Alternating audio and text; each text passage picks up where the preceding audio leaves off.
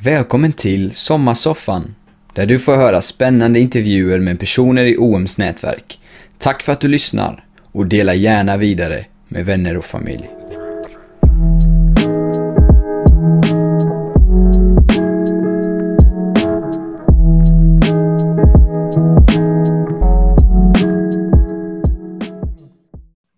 George, uh, a big welcome to uh, to the summer couch here with uh, OM in Sweden, and we are so pleased to have you here with us this evening.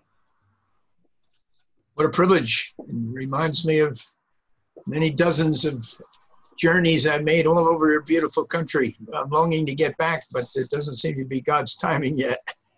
Not quite yet, no. Now, George, I want to start by saying belated happy birthday to you. You Well, had thank a you very much. You, you had a birthday not too long ago, didn't you? Yeah, July 3rd. It's hard to believe. Very good. Now, it was two years ago that you turned 80. Yes. And and what did you do to celebrate your 80th birthday? This is going to sound very strange in corona times, but what did you do to celebrate your 80th birthday? Well, because I'd had so many big events for 50th wedding anniversary and 50th birthday, God just put it on my heart not to have a big event. My wife didn't want one either, but to just go where people lived. And so I just went to rail stations, mainly in Europe, a few in the States, and not always rail stations, coffee houses, and just invited friends uh, to just come and have a coffee with me. And I gave them all books and DVDs and all kinds of gifts, but I asked them if they wanted to give 80 pounds or 80 dollars or 80, 80 any curren- currency toward this big Bible uh, program I have in Africa. So it went, originally it was only going to be 40 locations. It went so well. And there's Right. such blessing and renewing friendship with hundreds of people, but all it was an eight hour event. So I actually had time with everyone That's great. and uh, God gave grace. I don't remember being tired even once. Got back late every time, usually, but uh, so I extended it for the rest of the year, just two a month throughout that year until I became 81. It was a blessing. So um, What a great way Yeah, hallelujah. Yeah. And what what role because because it sounds like your 80th birthday was all about relationships. And what Yeah. role have relationships played first of all in you getting to know Jesus, but then also as OM started and developed, what role have relationships played? yeah, I believe we have a relational God, and He want, wanted us to have a relationship with Him that was broken because of our rebellion and sinfulness, and of course, sent His Son mm. to die on the cross for our sins. And so, once that relationship is renewed with God, we have greater capacity to actually have loving, solid, long term uh, relationships. And I've um, always felt that was a priority. OM wasn't really firstly a missions movement, it was a revival movement on my high school, getting people to repent, get right with God, and then we become friends and we become linked.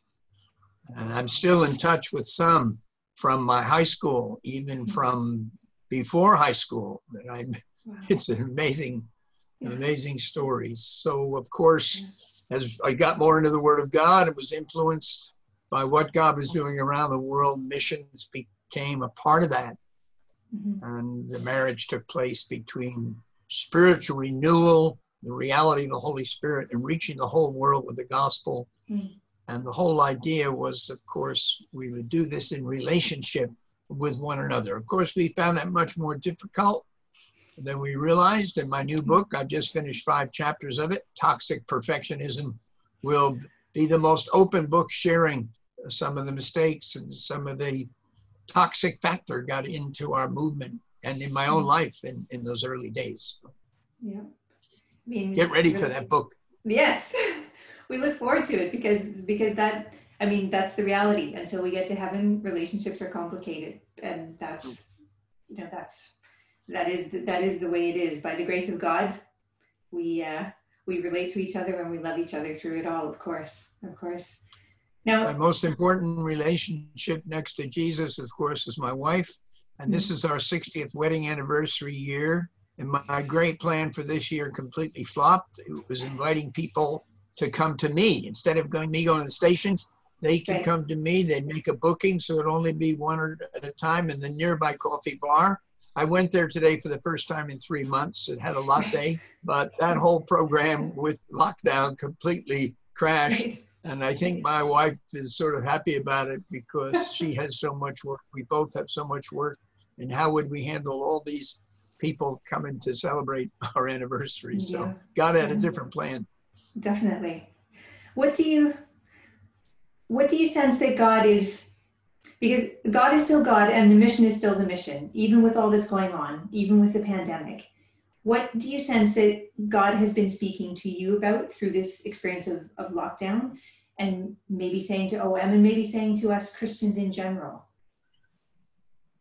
Well, the Lord's speaking to me about many things. And I think the biggest thing, my wife is not well. We're older people. He's spoken to me about loving her and caring for her. I've not always been world's best listener. Uh, my wife has suffered a bit with my fast lane. I'm often not in the fast lane. I'm just like completely off the road, which can be quite stressful for your wife. So that's, and I'm rereading Calvary Road Revival in the Home. So God used in my first weeks of marriage when already my toxic factor was coming out. My new book will be called Confessions of a Toxic Perfectionist God's Antidote. And so I'm rereading that. And we're enjoying our time together. Lockdown has not been a problem. We're used to working at home together.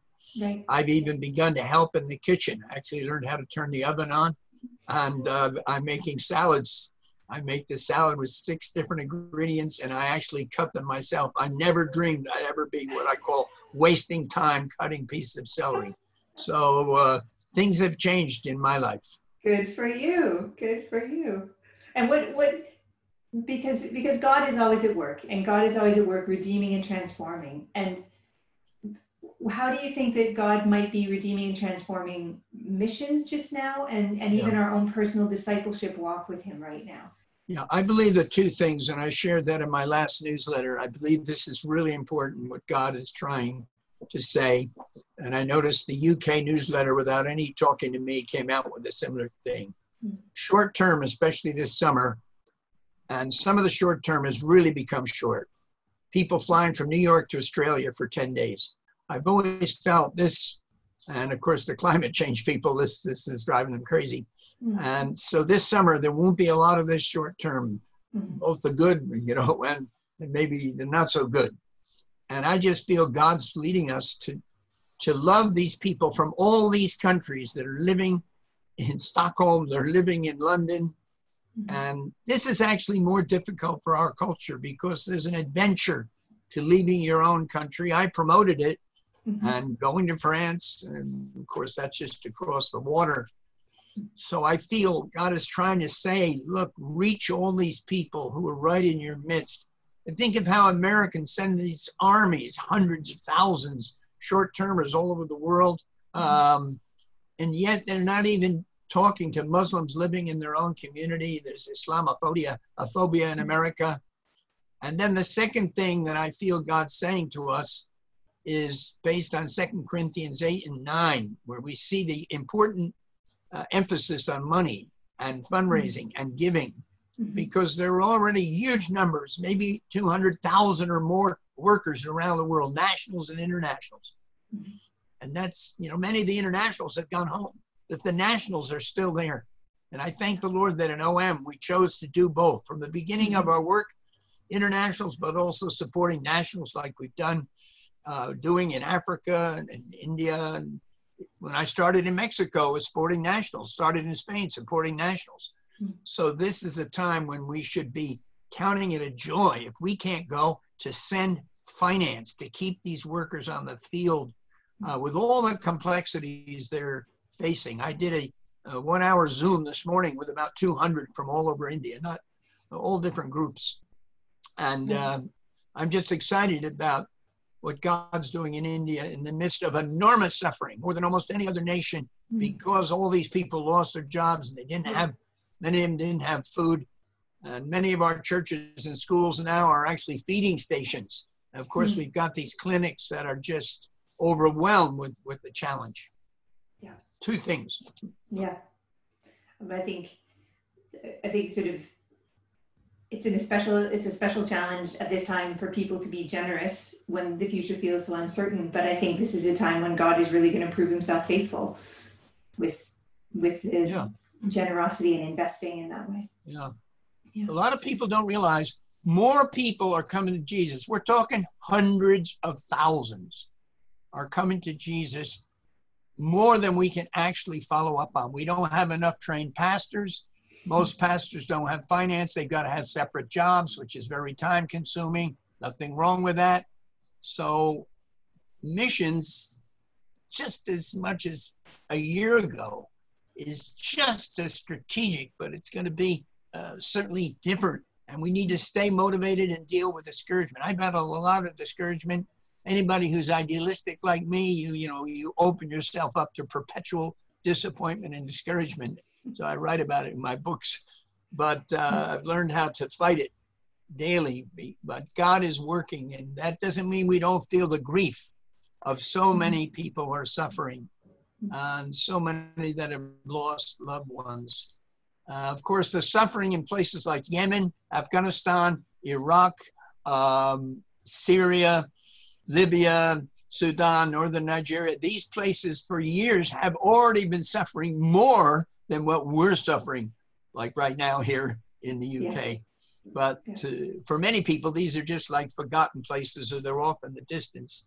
So hmm. to me, missions is firstly the heart. You might be sitting in Gothenburg, but you've got a global heart. Global heart leads to global praying, leads to global giving. Most hmm. people only give to things in their own country, especially Brits. They want to give for Britain. And. Americans, they only mainly give to America. Texans mainly only give to things within Texas. We Hmm. are not nationalistic. We are God's people, and we want to give according to the guidance of the Holy Spirit.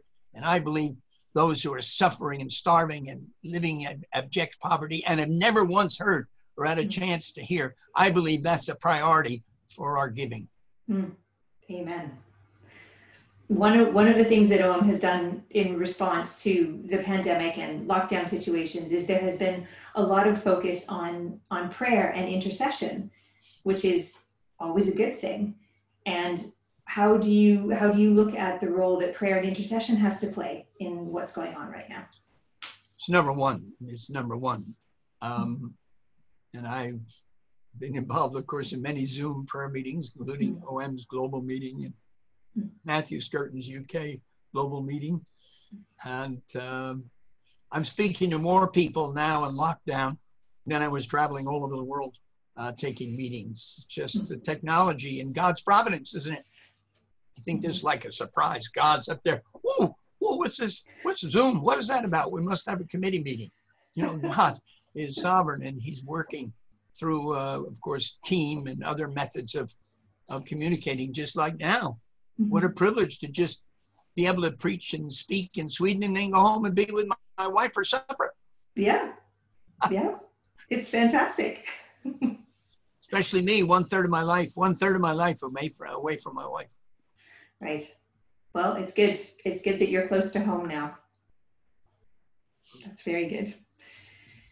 Now, OM has sort of core values that I think have always been part of the movement, uh, but have also been sort of like written down as points. And um, loving and valuing people has always been part of it. As you said, that's all. That's the relationships from the beginning, doing the job together, and also loving and valuing the people that we hope to reach, and we hope we'll have the chance to get to know Jesus.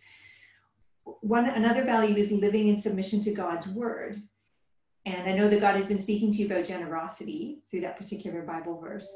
Um, what did what can living in submission to God's word look like as well when a lot of us are living more and more within the four walls of our homes?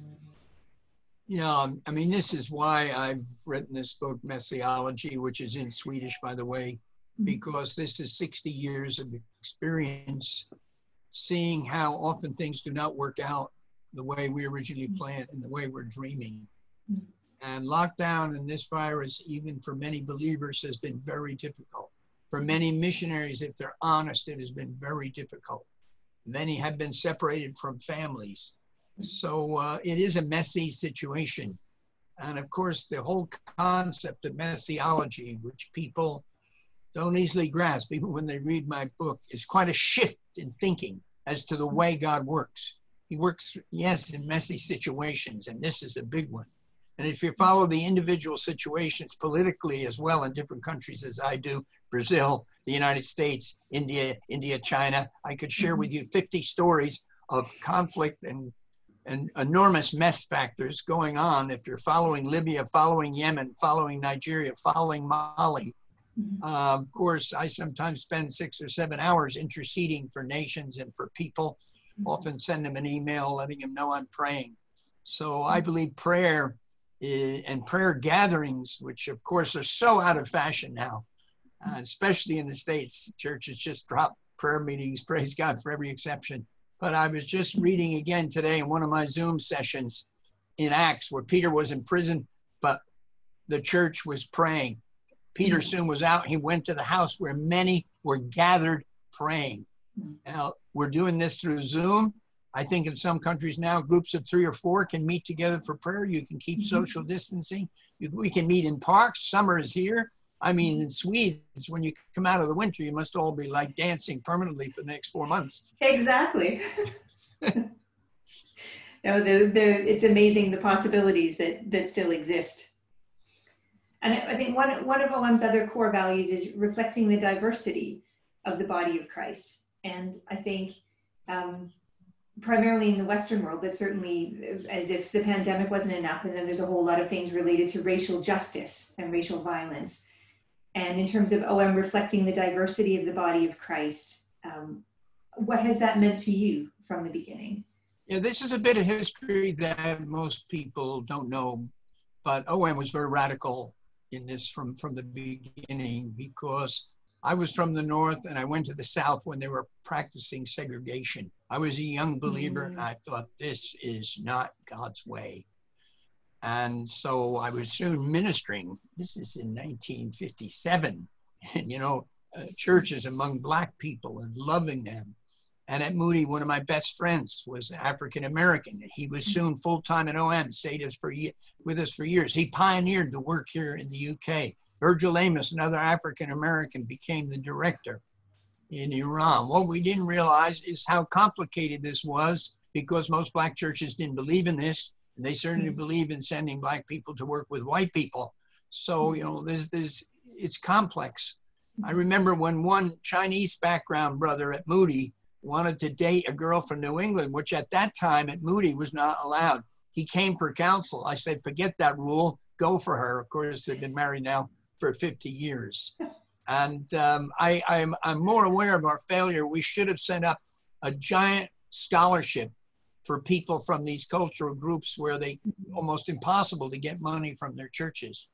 But I remember talking to one of the leading African American Christians to get advice, Tom Skinner. Everybody knew his name. And he told me straight, this, this kind of thing you're doing is not for us. Our mission field is our cities.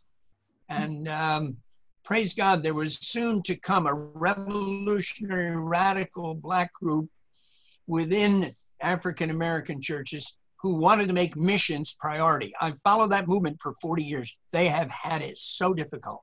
And mm-hmm. once they booked all these hotel rooms in Atlanta, hoping people would come for this great Congress, and they didn't come and they couldn't cancel the room, they plunged into 200,000 in debt. And I followed that in prayer so, you know, we, we have these ideals, and mm-hmm. sometimes our ideals are very unrealistic because we're not living in the real world where there's so many complexities. Mm-hmm. And today on the news, the enormous increase of murder in the United States in the past month in one major city doubled.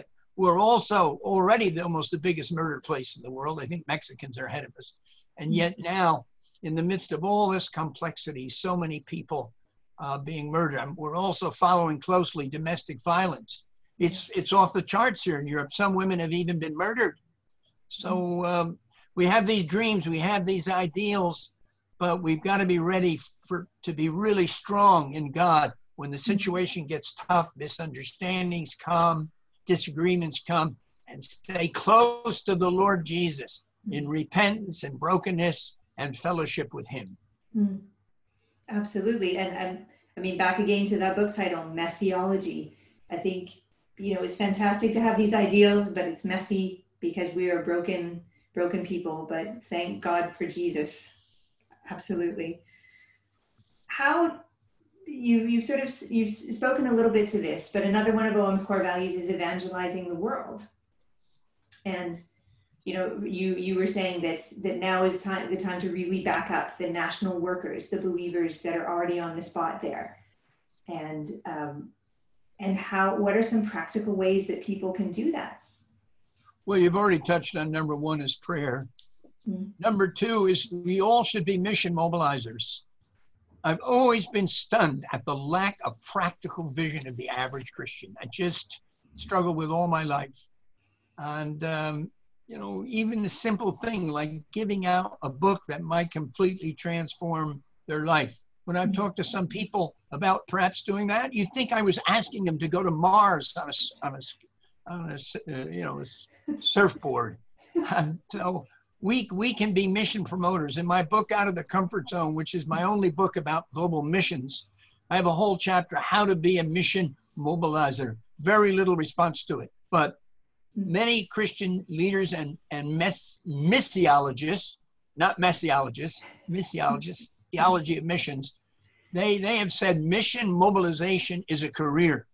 Mm-hmm. And uh, I believe fundraising is a career. Mm-hmm. A person may have two careers, but mm-hmm. we can be mission mobilizers there in Sweden. We also, you are Swedes, you know the facts of your own country. You know the tiny percentage that are actually following Jesus. You also know how throughout Europe, Christianity is being more misunderstood and mocked, and pe- people paint a false picture of what uh, a Christian is, especially if they're a Bible believer or a Pentecostal, and it comes out in films, it comes out in, in mocking interviews. So these are not easy days for Europe. And we need to stick together. We need to pray for one another. We need to let love cover our differences because we are a minority in Europe and we cannot afford uh, divisions and backbiting and gossip that David Wilkerson said is the greatest hindrance. I'm quite sure he said the greatest hindrance to evangelizing the world and the church going forward was the rattling tongue, the gossip. Mm. And I think another one of OM's core values, I think, fits very nicely with that, which is being people of grace and integrity, and how that looks these days as well. Yeah, yeah. But nobody scores 100% on those things. The word integrity in English in English is which I'm fanatically committed to, but um, you know we do fail, and it always amazes me that some people are so much more gifted than others in actually living the Christian life. Mm-hmm. And I've often related to people who really found the Christian life hard, mm-hmm. and they found many Christians a pain in the neck and some of them are in prison. Some of them have done really stupid things. I follow more former OMers sure than anybody alive, way over mm-hmm. a 1000 mm-hmm. And, you know, some have been through divorce. And this is why, in my own philosophy today, if you follow my newer books, there's a stronger emphasis on radical grace, forgiveness, and what sometimes I call uh, messiology. Others have pioneered this. David mm-hmm. Seamands, in his book, two chapters on perfectionism, uh, mm-hmm. Brennan Manning in his brilliant books, Keith Miller in his Taste of New Wine, Eugenia mm-hmm. Price. I don't know if you know these authors, but I just thank the Lord for great Christian writers and speakers from different sides, especially thankful for women. They help bring into balance characters like me that without that we can be dangerous. Right. Another one of OM's core values is serving sacrificially. And what has that looked like in your life sometimes? Well, I guess people would classify me as extreme. Um, it's not been an easy road. I've hardly ever taken any time off, hardly ever had any kind of holiday. I did have one for three days. I'll never forget it. Flying over Victoria Falls in a, in a helicopter. That scared me stiff because the guy was so young, I couldn't believe that he knew how to fly this thing. but um, you know, God leads different people in different ways. But He gave me the right wife, who really has never really hindered me from just every hour of the day serving Him. That does include some recreation, walks. I love music, especially piano. Uh, In fact, one of my problems in life is I like so many things, but the good can be the enemy of the best. But if you can marry, if you can listen to Beethoven and do email, which I often do, then for me, that's a winner. And that's a holiday. That sounds great. And I think that's that's the thing, more and more for us to find for us to find those ways, to find those ways in which God can restore us through through different through different things that in, in different ways. You Now, know, it's very difficult, very difficult for me to speak this system because I'm a person that watches the audience and responds to the audience. I can spot one sour face, and um, maybe I'll realize uh, I need to correct what I just said. So I'm not getting any audience feedback here. I might be shooting into the air. So anyway, we press on. we we press on. I think there are a lot of pastors out there who know how you feel these days as they preach to, into their screens on Sundays. Yeah. Now, when you think about um, missionaries who are maybe just joining OM right now, maybe some of the younger people, um, what what what inspiration do you take from them, or what would you like to tell them as they're starting um, their career in missions? Not not their Yeah. walk with God, but what what would you like to share with them? Well, I think they have to be ready to adjust. They have to be ready for change. Mm. There's been enormous changes in global missions, which we've all been following, you know, and through the scatter vision. Um, and I believe with all my heart, we're in a time of transition. We're a time of testing. So a lot of people who wanting to go to these different countries, it's not possible. Mhm. So it comes back to reaching the people around us. Hundreds and hundreds of thousands of Christians in North America have lost their jobs. Mhm. So they're being tested. This is the time of testing and trial. And one of the biggest changes took place in my life when I was director of OM and director of the ship, living on the ship with three kids, pioneering a completely new thing. It's 50 years ago next year. And I was starting for the first time to experience more stress, um, to do say some hurtful things to my wife when I had problems all day and then came to her and she shared her problems. Sometimes I didn't handle that well. And I then went on one of these lifeboat trips with learning how to run this life big lifeboat was so huge. I remember it was in Sri Lanka. And then I was reading books about mountain climbers who were thrown together on a team often didn't know each other, didn't get on with each other, and yet they climbed Mount Mount Everest. And God gave me this new word to put parallel with discipleship survivalship. And for some in these days, it's just survival. Stop dreaming about doing such great things and launching out your church planting program in Mauritania. You might want to just like survive, make sure your wife and kids have got some food and other basic things. So, Mhm. of course, it, everybody's in a different situation, but I sympathize with people who've lost their jobs and are unable to pay their bills. Some countries like Britain, are, I don't know where they're getting the money from. They're just bailing everybody out, millions and Yeah. millions. Um, but you know, this isn't true in a lot of the countries we're working in. Nobody is bailing out poor people. Uh, there may be a little, it's changing. So these are days when we need we need a lot of wisdom, a lot of wisdom. Yes, absolutely. George, thank you so much. I'm going to close in prayer. Then I'll say, say a few words in Swedish um, to sort of finish that off. And then if, if you can stay for a few minutes, I know there are some people who would forget love to. Calvary Road. Don't forget, we have a book offer as well that I'm going to explain in Swedish to the people listening. Okay. So we'll pray. Father God, thank you that your heart is always a compassionate heart, a heart of love, a heart of love, especially for those who are suffering. Father, we look at the suffering of the world and the scale of the suffering, and we can't, but you can. Please show each and every one of us the part that we have to play in this. Please help us to take those steps of obedience, small and big. Jesus, thank you that you are drawing people to yourself and that nothing gets in the way of that, that your will will be done on earth as it is in heaven. Father, we want to pray a special blessing for George and for Drena, especially, that you bless these days. Um, give them a great deal of love for each other. Please give them a great deal of encouragement in all that they they experience through this time. And we thank you that you are the Lord and you do not change. We thank you in the strong name of Jesus. Amen. Vi tackar er alla ni som har varit här och lyssnat. Um, och vi har faktiskt en bok som vi skickar gärna till dig om. Du kan skicka in till oss alla de punkterna, OMs um, core values. Jag hann inte dela alla nya. Men om du skickar det till oss um, så skickar vi en bok av George Verwer på svenska till dig. Det gör vi så gärna. Nästa måndag pratar vi med Navid Malik, någon som hade fattat hela online-grejen långt innan covid-19 kom. Han eh, är från Pakistan och är bosatt i Sverige och når ut till urdutalande. Men ni dröjer kvar på Zoom om ni vill. Det finns möjlighet att ställa frågor till George, gärna på engelska. Och vi säger tack så jättemycket för idag. Hej då så länge.